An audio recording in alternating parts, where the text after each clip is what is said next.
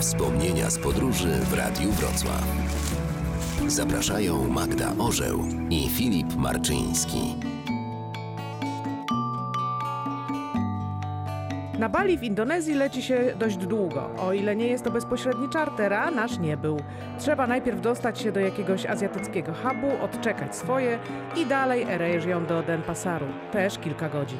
Nic dziwnego, że dotelepaliśmy się tam zmęczeni, głodni i niewyspani. Była akurat sobota, wczesne popołudnie, a my mieliśmy tylko dolary, parę tajskich batów, a kartą wtedy płacić się nie opłacało. Na pierwszym banku info w soboty do 13. No, może było w pół do piątej. Na drugim banku w ogóle nic nie było napisane, przed trzecim stał ochroniarz, ale było zamknięte. closed. Jutro też poinformował z żalem. Dopiero w poniedziałek. Instytucji całodobowego kantoru, jakie działają w większości turystycznych miejscówek, tam akurat nie było. Pod tym bankiem stały jeszcze jakieś dwie Australijki, jacyś Niemcy i my, w sumie grupka.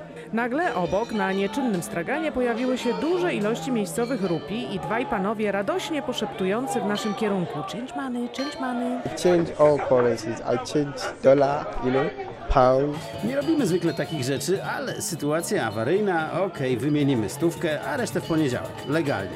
Nie tylko my się skusiliśmy, powstała nawet mini kolejka. Rupie tamtejsze mają trudny przelicznik, około 15 tysięcy za dolara, czyli stówka to pod półtora miliona. Nominały nieduże, masa liczenia, gorąco, proceder nielegalny, atmosfera nerwowa. 20, 40, 60, 80, 100, 20, 40, Ale udało się. Siedzimy w knajpce, przekładamy te pieniądze, liczymy. Jak to milion sto? Półtora miało być, ale nie było.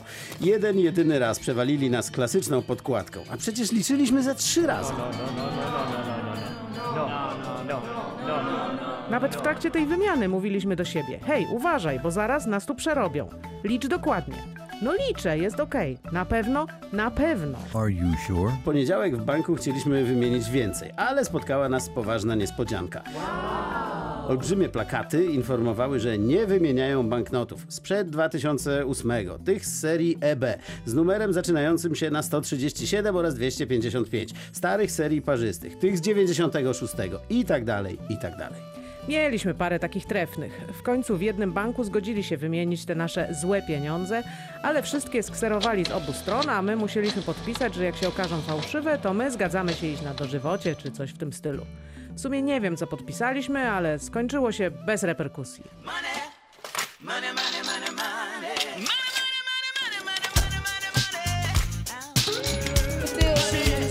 Wspomnienia z podróży w Radiu Wrocław.